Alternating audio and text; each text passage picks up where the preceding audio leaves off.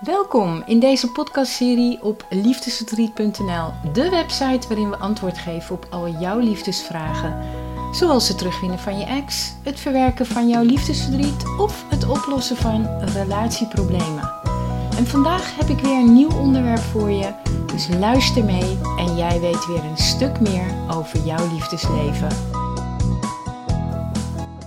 Hallo en welkom in deze nieuwe podcast die ik de titel geef: Wat is er aan de hand met mijn relatie? En hier ga ik dan de verborgen of onverwerkte emoties, ervaringen of anders gezegd trauma's bespreken, waarvan jij misschien niet weet dat ze nog steeds spelen op de achtergrond. En of dat nu geldt voor jezelf of je partner of je ex, maakt natuurlijk niet uit. Want wanneer onverwerkte emoties, gevoelens, ervaringen op de achtergrond blijven spelen, dan hebben ze natuurlijk wel degelijk effect op de relatie tussen twee mensen. Want inderdaad, ik maak het heel veel mee. Mensen die in mijn praktijk komen vertellen me vaak dat ze niet begrijpen waarom hun partner plotseling een eind heeft gemaakt aan hun relatie. En ze vertellen mij waarom zegt hij of zij opeens: Ik voel het niet meer. Mijn gevoelens zijn weg. Ik wil stoppen met deze relatie. En natuurlijk, dan begrijpen deze mensen ook niet waarom het gedrag van hun partner opeens zo anders is. Waardoor ja, gevoelens van frustratie ontstaan, hè, omdat ze geen antwoord krijgen op al deze vragen. Ze voelen zich wanhopig en als deze situatie een tijdje zo duurt, er wordt niet over gepraat omdat één of beide partners het zelf ook niet begrijpt. Ja, dan ontstaat er verwijdering. Er komen gevoelens van onmacht en kan er ook wantrouwen ontstaan. En wanneer dat allemaal niet wordt opgelost door te erkennen dat er iets speelt op de achtergrond, ja, dan wordt de weg naar verbinding heel lastig.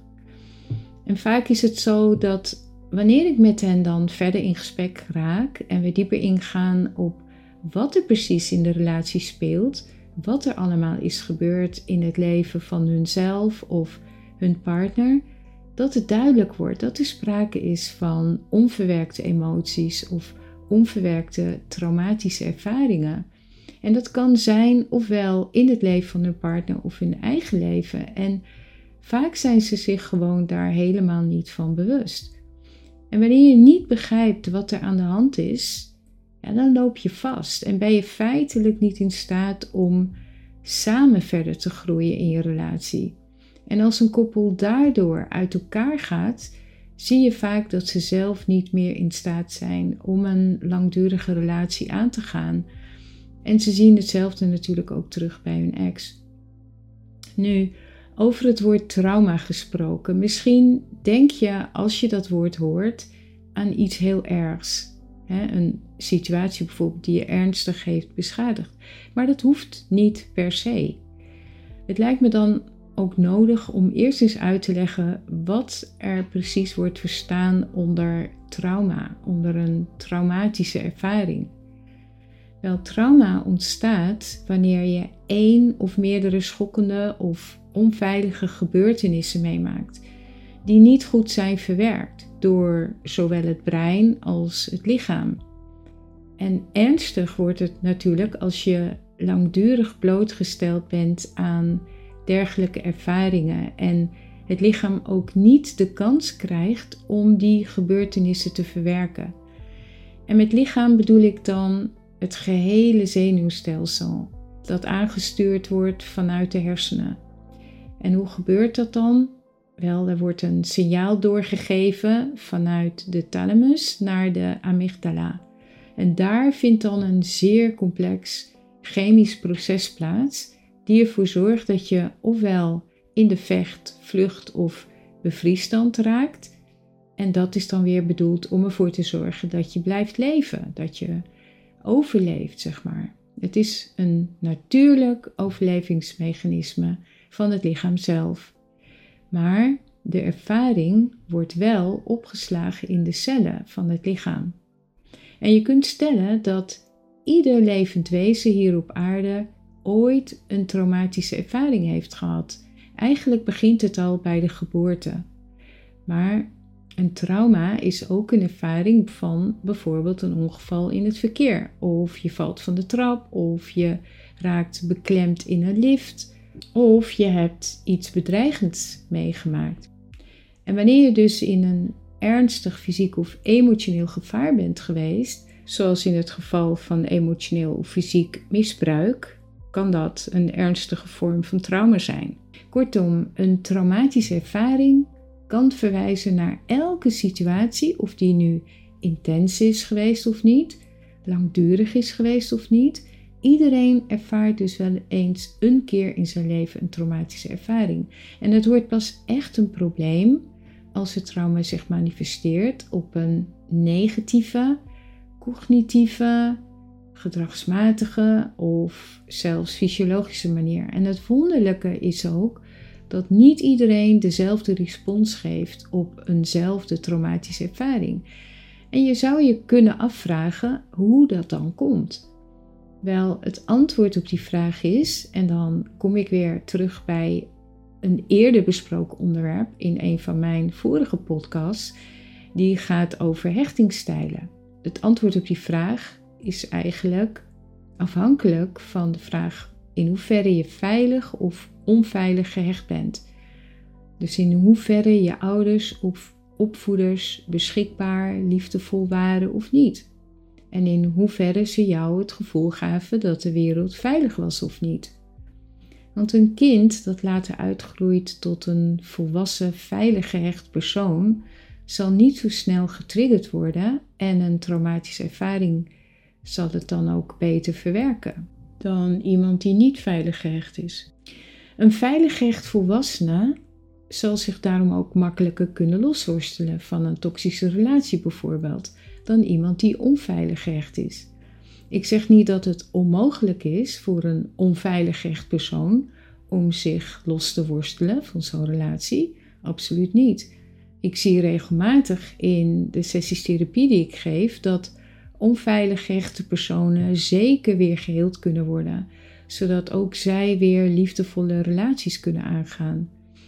Overigens werk ik in mijn sessies voor het oplossen van een trauma niet puur en alleen door gebruik te maken van hypnose, zoals je misschien al hebt gelezen op mijn website, maar ook maak ik gebruik in het voorgesprek van NLP, wat staat voor neurolinguistisch programmeren. Maar ja, je kan het ook zien als conversationele hypnose eigenlijk. En dat doen we om het probleem in een ander kader te plaatsen. En daarnaast gebruik ik sinds kort ook nog een andere techniek en die heet dan de Havening techniek. En die techniek is weer ontwikkeld door een Amerikaanse internist en neurowetenschapper, Dr. Ronald Rudin. En deze man heeft 15 jaar lang wetenschappelijk onderzoek gedaan. En dat onderzoek richtte zich op de vraag hoe traumatische herinneringen gecodeerd worden in de hersenen en waar dit dan precies gebeurt. En zo ontdekte hij hoe de emotionele lading die bij een bepaalde herinnering of trauma plaatsvindt, weggehaald kan worden. Of anders gezegd, hoe de amygdala gedecodeerd kan worden. En in mijn praktijk is dan al diverse keren gebleken hoe effectief deze methode is wanneer deze wordt ingezet in combinatie met NLP en hypnotherapie. En vorige week sprak ik bijvoorbeeld nog een vrouw in België die in het ziekenhuis terecht was gekomen vanwege herhaalde traumatische ervaringen met haar ex. En haar relatie werd verbroken door haar ex en die spanningen en stress werden voor haar dusdanig ondraaglijk dat ze uiteindelijk in het ziekenhuis belandde.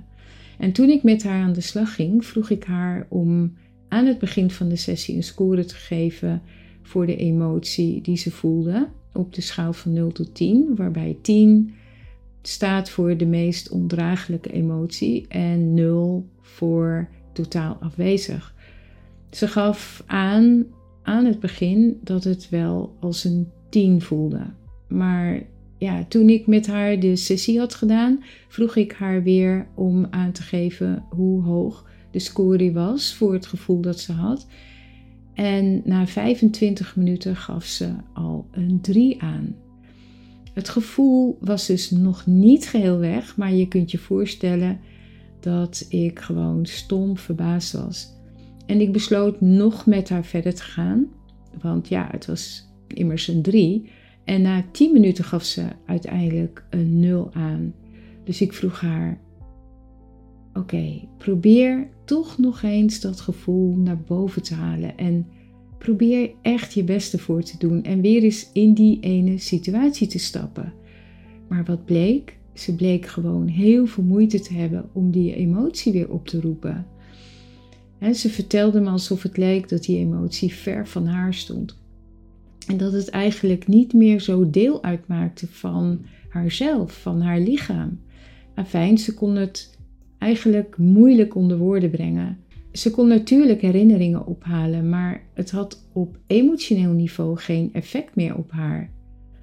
Nou, wij waren beide stom verbaasd dat ik dacht: oké, dit is geweldig. Van nu af aan ga ik dit meer gebruiken in mijn praktijk. Want ja, het mooie hiervan is dat Hevening in combinatie met hypnotherapie, met hypnose, zorgt voor zo'n snel resultaat.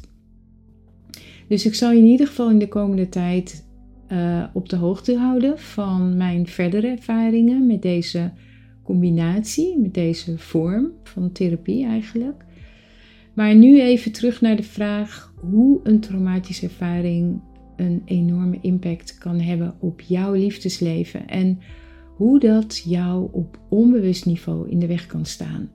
Ik had het zojuist al benoemd, het kan zijn dat jij je er niet van bewust bent. dat je bijvoorbeeld in een relatie terecht bent gekomen die eigenlijk heel onveilig is, een toxische relatie.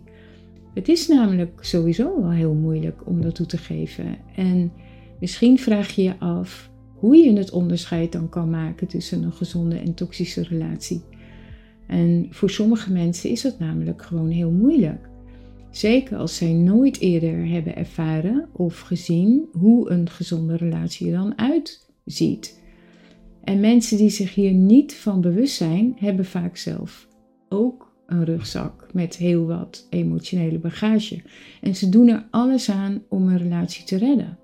En ze worden genegeerd, gemanipuleerd, getreiterd gewoon door hun partner.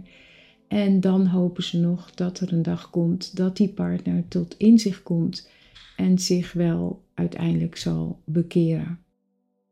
Nou, zo'n toxische relatie kan natuurlijk een enorme traumatische ervaring zijn. En veel mensen krijgen hierbij jammer genoeg niet de juiste begeleiding om hier uit te komen. En een ander aspect die jouw liefdesleven in de weg kan staan, of dat nu bewust is of onbewust, en dat is als je iemand in je nabije omgeving waar je veel van hield, overlijdt. En wanneer je hier niet goed mee om kan gaan, het blijft een onopgeloste emotie, een onopgelost trauma eigenlijk, dan kan dat ertoe leiden dat je je afstandelijk gaat gedragen. dat je je gaat isoleren van de mensen om je heen. En ja, het kan ook zijn dat je last gaat krijgen van slapeloosheid. Of dat je je niet meer zo goed kan concentreren. Of het kan zijn dat je humeuriger wordt en emotioneelonstabieler. Waardoor je misschien wel onbedoeld kunt uithalen naar iemand waar je veel van houdt. Of misschien kom je wel in een burn-out terecht. En dit alles zal uiteraard ook zijn weerslag hebben op de relatie met je partner. Het is dus heel belangrijk dat je dergelijke onverwerkte gevoelens oplost. Zeker wanneer je merkt dat dit gedrag aanhoudt of, ja, of dat het af en toe de kop opduikt en je denkt, nou, dat fix ik zelf wel hoor, door gewoon meer positief te gaan denken of ja, nou ja, goed, ik zeg altijd dat als zoiets nou echt makkelijk was om te fixen, op bewust of cognitief niveau, dan had je dat ongetwijfeld al lang gedaan. Dan had je nu geen last meer van, toch? En de reden dat een dergelijk verdrietje nog steeds in de weg staat, is gewoon omdat er op onbewust niveau nog te veel leeft. En dat zul je dus moeten oplossen. En nu heb ik het over het onderbewustzijn. En dan kom ik ook automatisch uit bij triggers die verbonden zijn met onopgeloste ervaringen of onopgeloste traumatische ervaringen. En wat zijn triggers dan, vraag je misschien af? Wel, triggers roepen altijd een emotionele reactie op hè, bij een gebeurtenis. En ja, zo'n trigger kan bestaan in de vorm van een afbeelding. Hè. Je ziet bijvoorbeeld iets waardoor je herinnerd wordt aan een bepaalde ervaring, of je hoort bepaalde woorden, of je komt terecht in een specifieke context, zoals je al eerder hebt ervaren. Misschien wel kom je terecht in een ruimte waar je eerder bent geweest, waarbij je opeens een gevoel van paniek ervaart, of angstig wordt, of je voelt een spanning opkomen. En je hebt misschien geen idee waar die paniek opeens vandaan komt. En in dat geval is die trigger ooit gekoppeld dus aan een traumatische ervaring. Dus je hebt bijvoorbeeld iets al eerder meegemaakt, wat ervoor zorgt dat je daar opeens last van krijgt in je huidige relatie. En dat kan van alles zijn. Bijvoorbeeld je ex was aan de drank verslaafd. En het beeld wat je daarbij hebt kan bijvoorbeeld zijn het moment dat je ex een glas en een fles uit de kast haalt en op een bepaalde manier voor zich neerzet. Ehm, en maak je volgens in je nieuwe relatie ook zoiets mee. Hè? Je huidige partner die ja, vertoont hetzelfde gedrag. Dus die haalt bijvoorbeeld gewoon ja, een glas en een fles uit de kast. En er is verder helemaal niks aan de hand. Die, ja, er is verder geen sprake van ehm, alcoholverslaving of zo. Maar Stel jij raakt dan in paniek, ja, dan is dat beeld de trigger. dat, dat kan op deze manier dus plaatsvinden.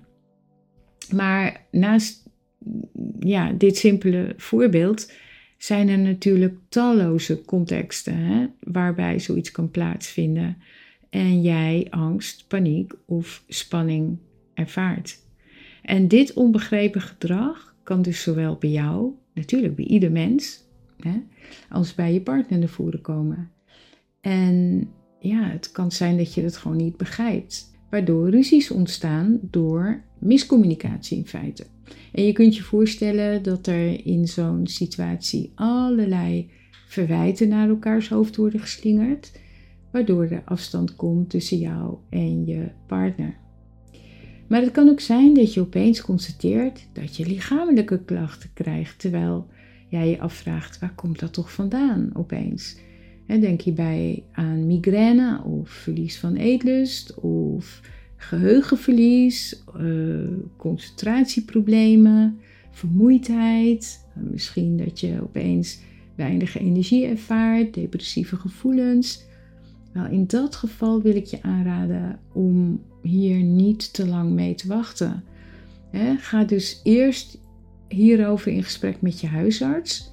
Maar ja, grijp ook weer niet te snel naar allerlei labmiddelen. Want wat artsen vaak doen, is dat ze rustgevende medicijnen voorschrijven. Wat heel begrijpelijk is, want jij komt dan op die manier snel tot rust. Maar ja, het probleem van medicijnen is gewoon vaak dat ze ongewenste bijwerkingen geven. Dus ik zou je willen aanraden om zelf op onderzoek uit te gaan. En onderzoek dan de diverse mogelijkheden die er zijn voor therapie. Want ja, er is zoveel meer mogelijk dan je zelf misschien denkt.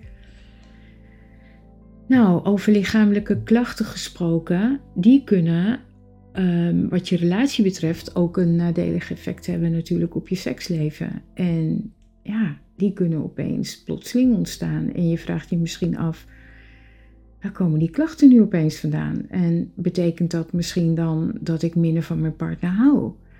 dat is vaak wat mensen denken als het hun niet meer lukt om echt te genieten van seks. En dat is uiteraard heel jammer, want de kans is heel groot dat je op onbewust niveau bepaalde traumatische ervaringen niet hebt verwerkt. Nou, tot slot wil ik dan nog aanhalen dat wanneer jij of je partner bepaald gedrag vertoont waarbij gebruik wordt gemaakt van ongezonde copingmechanismen, en daarbij bedoel ik dus overlevingsmechanismen, Denk hierbij aan overmatig alcohol of druggebruik of gokken of te veel uitgeven of te veel eten of wanneer er sprake is van sociaal terugtrekken, zelfbeschadiging.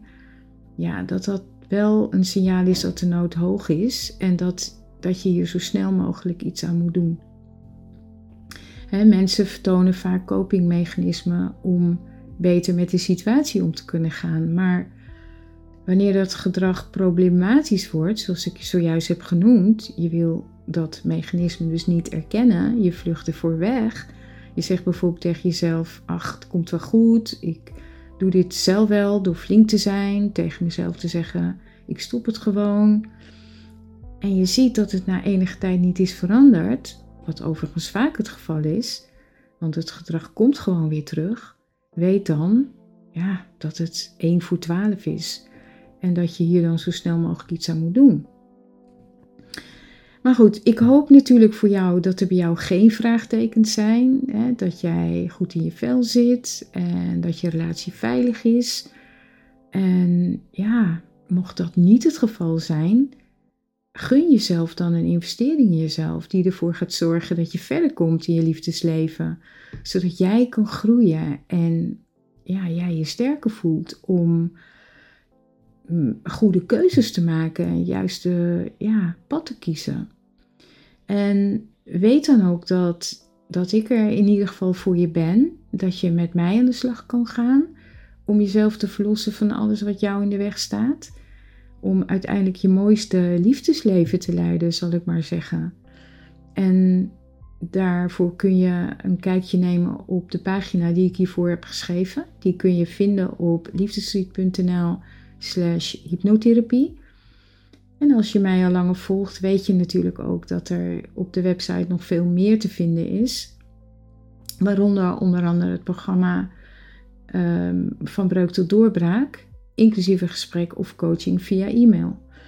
Want in dat programma leer ik je hoe je tot rust kunt komen en leer ik je ook anders naar jouw situatie te kijken na de breuk.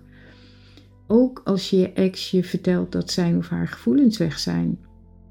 Je krijgt in dat programma meer inzicht in je eigen gedrag, in het gedrag van je ex, in jouw rol als partner van, als ex-partner van. En je leert nog zoveel meer, bijvoorbeeld over hoe mannen en vrouwen denken, over radiostilte, maar dan ook of het in jouw situatie beter is om voor een langere tijd afstand te nemen of niet. Of het verstandig is om weer bij elkaar te komen, natuurlijk ook. Dus check het allemaal op de website. En dan wens ik jou nog een hele fijne dag. En graag tot de volgende keer maar weer. Dag!